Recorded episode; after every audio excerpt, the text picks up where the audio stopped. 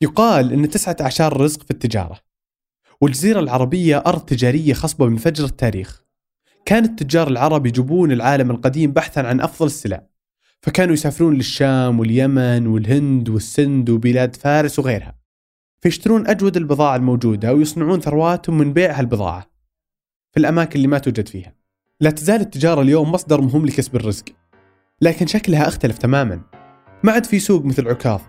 فرصة واحدة في السنة تبيع فيها أو تفوتك. ما عاد في حاجة حتى لحصولك على محل ملموس الناس تقدر تزوره لأنك أنت تقدر تزورهم. بس مع كل التطورات التقنية العمود الفقري للتجارة لا يزال نفسه.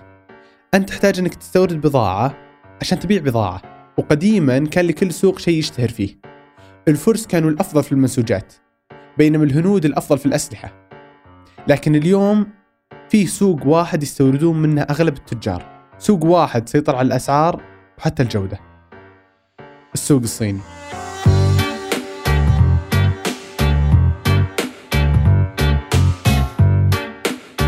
أهلا أنا الوليد العيسى وهذا بودكاست المحور الثاني البودكاست الجديد من إذاعة ثمانية وبالتعاون مع الجمارك. خلال العقد الماضي تغلغلت التقنية في حياتنا لدرجة أننا صرنا ما ندري شلون ممكن نعيش بدونها. ما في دليل على هالشيء أقوى من التجارة الإلكترونية. الإنترنت كان مكان مرعب قبل عشر سنوات. مكان تخفي فيه أبسط معلومة عنك اسمك وتشك في نوايا كل اللي تقابلهم من خلاله.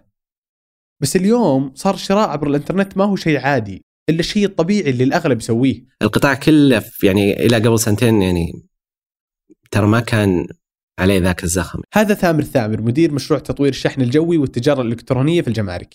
بسبب طبيعة شغله ثامر كان يشوف يوميا النمو الضخم في هالقطاع.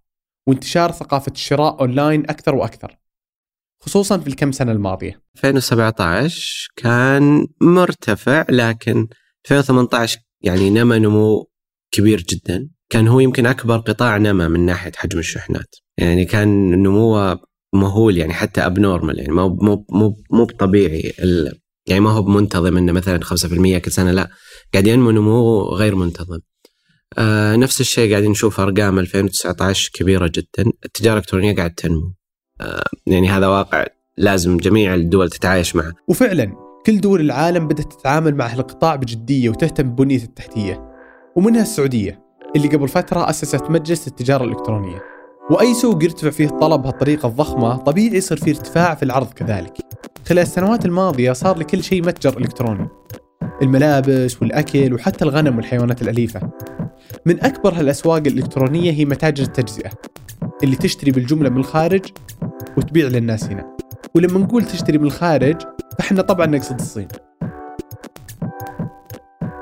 الكلام عن هالنوع من التجارة كثير وحتى نفرق بين الحقيقي والمزيف التقينا بأحمد السبيعي مؤسس متجر البيت الصغير للألعاب وسألناه عن دخوله لهالعالم. بدأت الفكرة آه، من أم يوسف جزاها الله خير أنها يعني قالت أه في وقت وفي إمكانية أني تقدر تقدم شيء كويس بالذات أن الحمد لله عندنا منيرة والجوهرة كان سابقا يعني آه، قبل ما يجي يوسف. فنشوف لهم أشياء ندور لهم ألعاب ندور لهم أشياء فكرية تعليمية تثقيفية ما في شيء مناسب. يعني تلقى بس يا تلقى غالي مرة صعب إنك تعطي الطفل الطفل دائما ما يحافظ على لعبته. ويمل من اللعبة بصراحة. فيجي يغيرها ويبدلها فجت الفكرة من هذا المنطلق إن قلنا نبغى أشياء تكون كويسة لأبنائنا قبل يعني آه، أبناء الناس. هالأفكار تجي لناس كثير بس قليل اللي ينفذونها لانها تحتاج التزام ضخم عشان تحققها. ويمكن عشان كذا أم يوسف وأبو يوسف توقفوا في مشروعهم لانهم تفادوا الالتزام الضخم وبدأوا تجارتهم من مكان قريب. رحنا دبي شفنا دبي جبنا منتج منتجين بدينا والله الشغلة طيبة بدينا نبيع في انستغرام في تويتر في موقع حراج في مواقع المشهورة. بدينا من هنا ومن هنا الحمد لله مشت الأمور شوي. هالبداية المتواضعة أثبتت نجاح الفكرة لكن مكسب كم ريال على كل لعبة معناها إنك تحتاج تبيع بكميات ضخمة حتى تغطي تكاليف العمل على المشروع. وطبعا الكميات الضخمة ما تجي إلا من مكان واحد. تقريبا حجزنا في 10 10 1438 طلعنا للصين. هذه ما كانت أول مرة أبو يوسف يروح الصين. لأنه سبق وزارها لما حضر مؤتمر عن الدعاية والإعلام فيها. ولكن أول مرة يروح لها كتاجر في مكان غريب ما يتكلم لغته ولا يعرف أساليب التجارة فيه. تواصل أبو يوسف مع أحد الأشخاص الصينيين اللي تعرف عليهم في رحلته الأولى. ووصل هذا الشخص بشخص آخر له تعاملات مع السوق السعودي وفاهم أسواق الجملة الصينية. بدينا معه نزلنا مدينة آه، كوانزو جلسنا فيها يومين ثلاثة انتقلنا مدينة إيو جلسنا فيها خمسة أيام. انتقلنا منها رحنا لفوشان بعدين آه، شنزن اللي هي حق إلكترونيات بعدين انتقلنا إلى خوشان وشنغهاي بعدين رجعنا يعني أخذت رحلة حدود الشهر كامل. نبحث عن منتج. السوق مليان. إيو أكبر سوق في العالم. في سوق الفوتيان في مدينة إيو أكبر سوق في العالم. فبتلقى كل شيء. ولكن إحنا نبي شيء يعني فريد شيء مميز شيء يواكب مواصفاتنا الخليجية السعودية أبنائنا. مو ما ينطبق على الابن الأوروبي أو الابن الأجنبي بينطبق على الابن السعودي. الآن ممكن تسأل نفسك وشلون راح تلقى المعايير اللي أنت تبغاها؟ والإجابة المفاجئة هي أنك ما تلقى اللي تبيه قد ما أنك تطلبه. أغلب المستوردين من الصين ما هو قاعد يطلب بضاعة من تاجر جملة هو يطلب منتجات مخصوصة من المصنع نفسه. أوضح لك بعد نقطة غريبة شوي. أه لو تروح الصين الحين تقول أبغى من هذه 500 حبة يقول ما في مستحيل تلقى أي شيء 500 ألف. بعض الناس يمكن يسمعني يقول لا مو بصحيح كلامك. طيب أوكي. أنا كتخصص أروح المحل مصنع مصنع أقول أبغى هذا الشيء وأصبر في تصنيع. ما عندي العينات. فهم يصنعون وش اللي تبغاه. هم يصنعون ستاندر ويوزعون على المحلات. روح لقط من المحلات. فلو رحت للمحل الفلاني قلت لهم فرضا أبغى لو قلنا فرضا ربطة ربطة شعر حقت البنات. طيب وش الشكل؟ هذا الشكل. يقول والله عندي فاضي. بيقول لك عندي 500 100 300 400 بس. وهي قطعة بلاستيكيه بسيطة أو قطعة. طيب أبغى كمية يقول لك أصبر تصنيع. يرجع يكلم مصنع. طيب تبغى تعدل بس شوي معناها بتصنع. فأنا دائما أتعامل مع المصنع ما أتعامل مع المحل لأني أنا أبغى جودة. ومثل ما ذكرت أول أبغى اشتراطات خليجية أبغى أشياء كويسة أبغى ضمانات أبغى... تروح المحل يقول ما أعطيك ضمان. طيب حددت المعايير اللي أنت تبغاها ولقيت مصنع جودته كويسة حتى يصنع لك. وش الخطوة اللي بعدها؟ بدينا اشترينا تقريبا حدود 38 منتج. كانت مغامرة جدا. كان المبلغ قريب ال ألف. كانت مغامرة جدا جدا إني أدخل واجازف بس قلنا توكل على الله وابدأ وبسم الله. بدينا. الخطوة الأولى وشلون بتشحن وشلون مدري إيش وقبل ما يجي النظام سابر. نظام سابر نظام يجمع بين عدة جهات رسمية هدف التسهيل من فسوحات السلع الاستهلاكية خصوصا المستوردة من الخارج. البرنامج يهدف لتقليل الغش ويقلل من وجود المنتجات المؤذية للمستهلك. وهذا معناه أن التاجر ما يكتفي بشيلة هم الناقل اللي راح يشحن بضاعته للسعودية. لكن عليه أنه يوفر الشهادات والفسوحات المطلوبة حتى تدخل البضاعة للبلد بشكل قانوني سواء شهادات جودة أو ملكية فكرية أو غيرها. لكن هالقيود الإضافية في الواقع مفيدة لنسبة ضخمة من التجار السعوديين.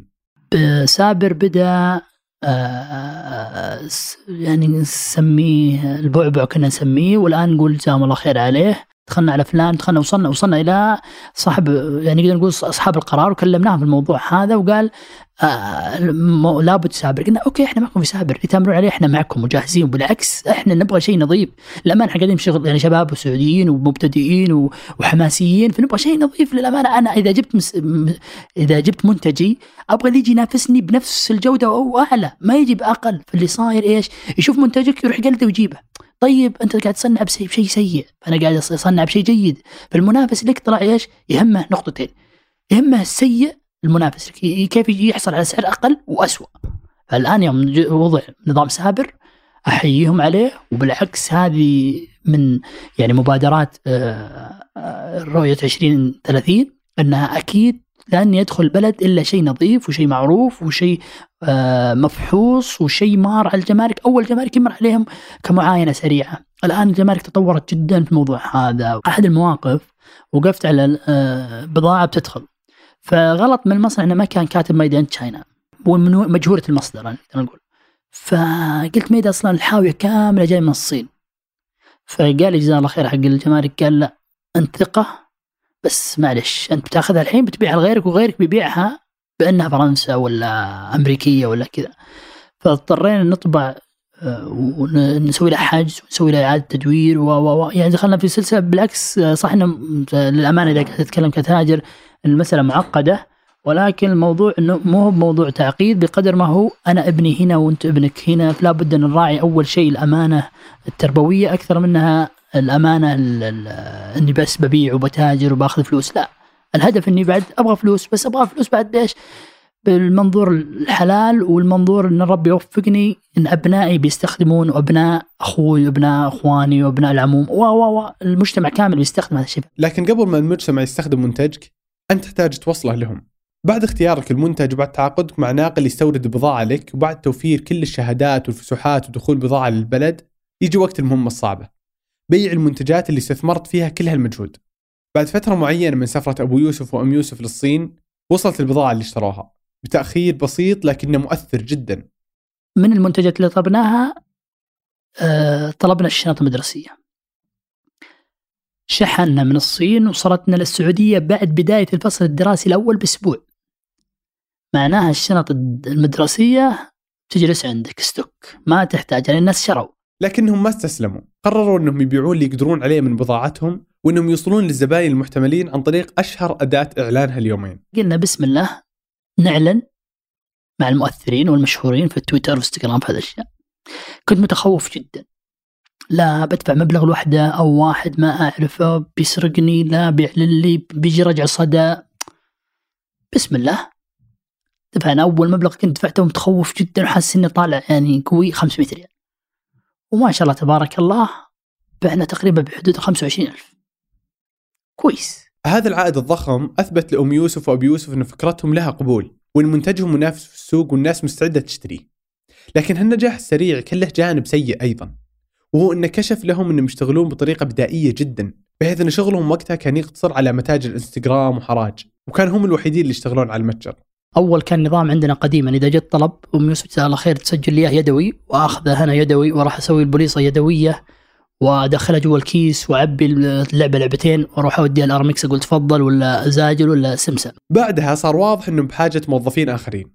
أول كان عندي موظف كان هو متولي الموضوع هذا، كان هو اللي يعني أنا مسميه أنت موظف بوليصات كان هو اللي يعبي البوليصة. يوميا يداوم ست ساعات خمس ساعات هو مجرد إنه يعبي بوليصات يدوية. لأن انتقلنا مراحل يدوية ثم مراحل إلكترونية بس يدوية. يعني انتقلنا عدة مراحل. أول شيء كانت باليد ورقة قصاصة تكتب بيدك بعدها لا صار في الكمبيوتر بس تكتب بالكمبيوتر. بعدها لا زدت تربطه مباشرة فصار مجرد العميل يشتري خلاص معلوماته تروح لبوليصه سمسا أو أرامكس. زد شركة تمكن تجار التجزئه من التحول لتجارة إلكترونية متكاملة. بعد ما بدأ متجر البيت الصغير كحساب على الانستغرام وإعلانات على حراج صاروا متجر إلكتروني احترافي بدومين خاص ونظام شراء مباشر من الموقع. هالانتقال ما جاء بس التقليل من الضغط على موظف البوليصات أو حتى الاستفادة من خدمات زد اللوجستية. لا لا لا. كان في سبب تسويقي أكثر أهمية وهو صورة المتجر أمام الناس. أبو يوسف يتذكر كيف كانوا الناس يتعاملون معه لما كانوا متجر على الإنستغرام. كانت الأمانة آه، أكثر ما تقول يعني تخوف الجمهور الجمهور يخاف. يعني شوي تقول أقسم بالله ترى ما بسارقك. والله أنت ترى أشتغل وتراني عندي عملاء غيرك وتقعد تحلف له تقسم له وأحيانا يقول لك ترى ما بدافع إلا إذا وصلت. إذا وصلت عند الباب بدفع لك طيب بتدخل في مشاكل كثيرة واحيانا تقول ما أدري العميل لا. ابى لك المنتج وإذا وصلك ادفع. تخاف إنه هو يسرقك بعد الآن. وطبعا الزبون في الغالب ما ينلام لأن في إنستغرام صعب تفرق بين المتاجر الفعلية ومتاجر النصب والاحتيال. وياما ناس اشتروا بضايع مغشوش ولما رجعوا للمتجر اللي باعها لهم يلقونه قفل حسابه واختفى. هالشيء طبيعي يصير لأن مثل ما التجارة الإلكترونية كانت فرصة ذهبية للناس المهتمة فعلا بالتجارة مثل أبو وام يوسف فهي كذلك كانت فرصة ذهبية للناس اللي تستخدم الغش كطريقة للكسب السريع. وهالمعضلة واضحة للجهات الحكومية. في الجمارك مثلا هالمعضلة تتمثل في البيان الشخصي مقابل البيان التجاري. في تفرقة ما بين البيان إذا كان الإفصاح إذا كان شخصي أو كان تجاري يعني. آه، المفروض أنه تسهيلا للشخصي ضبط العملية. هذا ثامر الثامر مرة ثانية. ثامر هنا يتكلم عن البيانات الجمركية اللي تمثل الشحنات اللي داخل البلد. البيانات الشخصية هي هدفها الاستخدام الشخصي. مثل لما تطلب ساعة أو تيشيرت من متجر عالمي. هالشحنات بحكم أنها للاستخدام الشخصي ما يأخذ عليها رسوم جمركية إذا كانت أقل من ألف ريال. ونادرا ما تطلب شهادات أو فسوحات. في الجهة الثانية البيانات التجارية هي الشحنات اللي تدخل البلد بهدف المتاجرة فيها. وهالنوع من الاستيراد هو اللي يتطلب منك التسجيل في نظام سابر وتوفير الشهادات والفسوحات ومعلومات المستورد وغيرها من البيانات المطلوبة. المشكلة تجي لما يحاول أحد أنه يتلاعب بالنظام. يطلب شحنة معينة على أساس أنها استخدام شخصي ثم يتاجر بها على إنستغرام أو حراج. وبكذا يتضرر المستهلك ويتضرر التجار المصرحين ويتضرر السوق بالكامل. طبعا تعتبر مشكلة إنها منافسة غير عادلة. يعني يعني أنا وأنت خلينا نفرض أنا وأنت أنا شت... أنا مثلا فتحت متجر ملابس عندي مؤسسة دفعت سجل تجاري أدفع زكاة أدفع تأمينات اجتماعية أدفع أدفع أدفع. في التزامات معينة من الدولة. ولا جيت أستورد من الجمارك أستورد باسم مؤسستي. مثلا خلينا نقول اليوم جبت إرسالية 100 تي شيرت جت ال 100 تي شيرت عليها رسوم جمركية دفعتها أنا. أنت تجي ما ما أنت ملتزم بأي شيء وتطلب 100 تيشيرت أيضا. تجي للجمارك أوكي ممكن تدفع الرسوم الجمركية لكن نفترض إنها مشت آه يعني أنه مسموح ومشت. أنت بتنافسني وأنا علي تكاليف إضافية وإن جبتها بأرخص آه يعني هو مو بالضرورة أرخص لكن اجين التجار لهم حق يعني بحكم إنك رحت وكذا يعني أنا بروح آه أنت بتبيع من الانستغرام بعدين طب إذا بيطالبونك وين الضمان وين مكانك؟ يعني ما يصير أنا اليوم أتاجر في الملابس بكرة صارت لي مشكلة الملابس حقتي الكواليتي حقها نزل مدري إيش وبدأوا يكلموني قانونيا وقررت أغير فتحت إنستغرام جديد واشتغلت في شواحن الجوال يعني كل يوم باخذ لي شغلة ومالك قبيل ف يعني هذه ممارسة أصلا خاطئة يعني ك ك كمنظومة أعمال في المملكة. وبكذا تصير مهمة تيسير التجارة مهمة معقدة جدا لأنها عملية موازنة. أنت بتسهل على المستهلك العادي اللي يطلب شحنات من متاجر عالميه لكن بنفس الوقت تبغى تحافظ على حد معين من القوانين اللي تحمي حقوق التجار والمستهلكين اللي ما يفرقون بين الموثوق والمغشوش لكن بالرغم من كل هذا الموظفين في تيسير التجارة حريصين على الحفاظ على هالموازنة وعلى كشف طرق التلاعب المتغيرة واحد مثلا ممكن يقول لك طب أنا جايب أشياء بأقل من ألف ريال. okay ممكن تجيب ألف قلم الواحد يكلف نص ريال من الصين هذه 500 ريال يعني. فمو مو بالضرورة القيمة يعني. وممكن واحد يجيب مثلا ساعة واحدة قيمتها 50 60 ألف يعني. فالقيمة ما هي فقط المعيار هي قيمة وكمية و... وتكرار و... فعدة عوامل يعني صراحة الزملاء مجتهدين هم اللي يحددونها ويضبطونها و... وأيضا جالسين نحاول نطور هالعملية. لكن بالعكس يعني إحنا نشجع الجميع إنه بالعكس في طرق نظامية للاستيراد التجاري استو... يعني أفتح سجل تجاري أفتح نشاط. الدولة سهلت جدا موضوع بدء النشاط التجاري. آه، ممكن الاستيراد في مختلف النشاطات يعني تحدد النشاط اللي انت بتشتغل فيه وتستورد عادي بالعكس. فعلا. هذا الدعم للتجارة جالس ينعكس على السوق اللي يكبر يوم ورا يوم. يكبر لدرجة أن أبو يوسف قرر يفتح مشروع جديد مختص بالاستيراد من الصين بس. نستورد لشركات كبيرة وانت تستورد من يرغب من الصين استورد له بشكل عام. يعني عرفنا الحمد لله وش الصح وش الخطأ وش اللي مطلوب من الجمارك وش المطلوب من هيئه مواصفات مقاييس وش المطلوب من السابر. آه، يعني في عمر يطلب منك أشياء أنت ما هو ما يدري شلون تجيبها. فأنت تتولى الموضوع كامل. خلاص تتسهل بإذن الله إنها بتوصل باب مستودعك. وتعلم الشروط. تقول والله ترى لازم تطلع شهادة فرضا إذا كان حق آه، أكل لازم تطلع شهادة الملامسة الغذاء SGS آه، فرضا إذا هو للطفل أنا لازم تطلع سابر. إذا أنت آه، فرضا بتدخل في ألعاب أطفال كذلك لازم تكون في شارة الخليجية. بجانب كل هالمواضيع اللي تتعلق بالإجراءات الحكومية أبو يوسف يساعد التجار اللي يستوردون من الصين بخبرته العملية. وإذا في شيء واحد يكرره أبو يوسف على كل الناس اللي يستشيرونه فهو رح للصين بنفسك. بعضهم يقول أنا أبغى المنتج الفلاني أبغى اللعبة الفلانية أبغى الشكل الفلاني أبغى فرضا أبغى اثث بيتي. دائما نقول من العميل اطلع اطلع للصين. أنت أفهم منتج ونظرتك أفضل وتعرف الخامة أفضل وتشوف الشيء يعني قدام عينك. أحد الأمثلة أنه كان بيستورد كرسي حفلات. من ال من الأشياء اللي تكلمنا معه فيها إنه الآن كرسي يكون الظهر آه، ستاند وقواعد أربعة وسفنجة في الأسفل. الاسفنجة إذا جلست عليها هل هي تنضغط؟ هل ما تنضغط؟ هل تكون سميكة؟ هل تكون مريحة؟ هل تكون إذا أنت قمت من الكرسي هل تطلع مباشرة أو بشوي شوي بانسيابية هل في يعني تكلمنا في تفاصيل. طيب القواعد الأربع من تحت. هل في تلحيم ولا تركيب؟ هل في صواميل؟ هل يعني تكلمنا في تفاصيل. معه من رجل قال stop قلت إيه روح شوف وتكلم فان الموضوع تغير. هو متخيل لا جيب كرسيين وقاعدة وطق طق والسلام عليكم. لا لا الموضوع يختلف تماما. يعني مثل هذه زرت هذه مدينة فوشان هذه مدينة مخصصة في الأثاث. تدخل يعني إذا قلت لك آه، أكثر من 5000 محل غير الدور الرابع في سوق من اسواق الدور الرابع كله جملة ولا يتكلمون الجمله اللي تقدر تقول بالمئات الطقم والأكثر. فكانوا يتكلمون بشيء شيء يعني أرقام مهولة جدا. وفعلا إذا قال لك الصين هي الآن الصناعة منها هم مستعدين يصنعون لك. يعني لو قلنا في يدنا الملموس شيء الملموس الآن جهاز الآيفون صيني. فمستعدين يصنعون لك أفضل شيء ومستعدين يصنعون لك اسوء شيء بناء على طلبك. بالإضافة لهالنصيحة أبو يوسف ينصح بالاستفادة من خبرة أي شخص سبق واستورد من الصين مثل ما سوى هو لما بدأ. بعض المؤثرين في ال Snap مثل هيثم السيف آه السيف غالري أحد يعني ما شاء الله تبارك الله استفدت منهم كثير آه وكذلك أستاذ خالد الشليل آه استيراد من الصين آه كذلك آه، في مجموعة group شباب إحنا سعوديين تعرفنا على بعض ونعطي بعض النصائح ونتعلم من بعض وهذا يدلني على منتج وأنا أعلمه على الفكرة اللي صارت والنظام اللي تغير. ومع رغبتهم في إفادة الناس اللي تبغى تستورد من الصين ورغبتهم كذلك في الاستمرار بتجارتهم مع البيت الصغير. لا يزال لأبو يوسف وأم يوسف حلم يطمحون إنهم يوصلون له. هل تحس ممكن كذا البيت الصغير يوصل مرحلة إنه قاعد يصنع في السعودية أو على الأقل يتعامل مع ناس في السعودية؟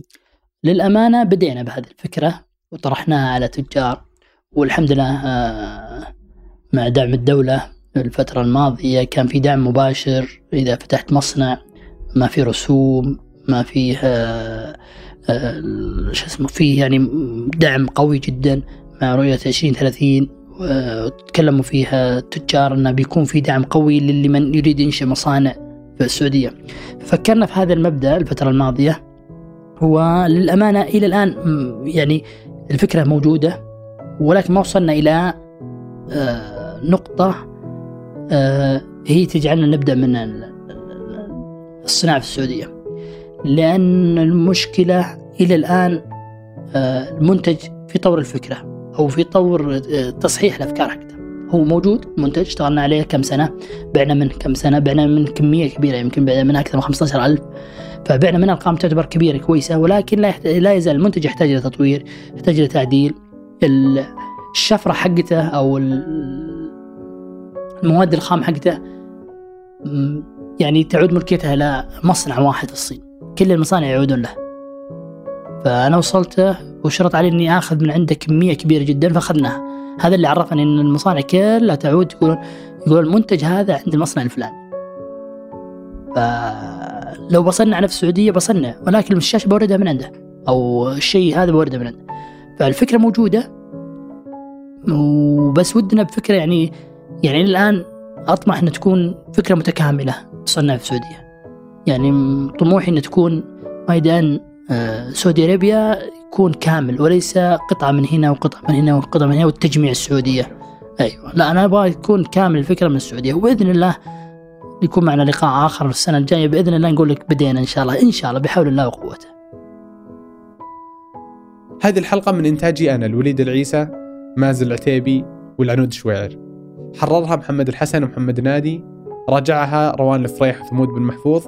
وأشرف عليها عبد الرحمن أبو مالح العنود شويعر وعادل برجة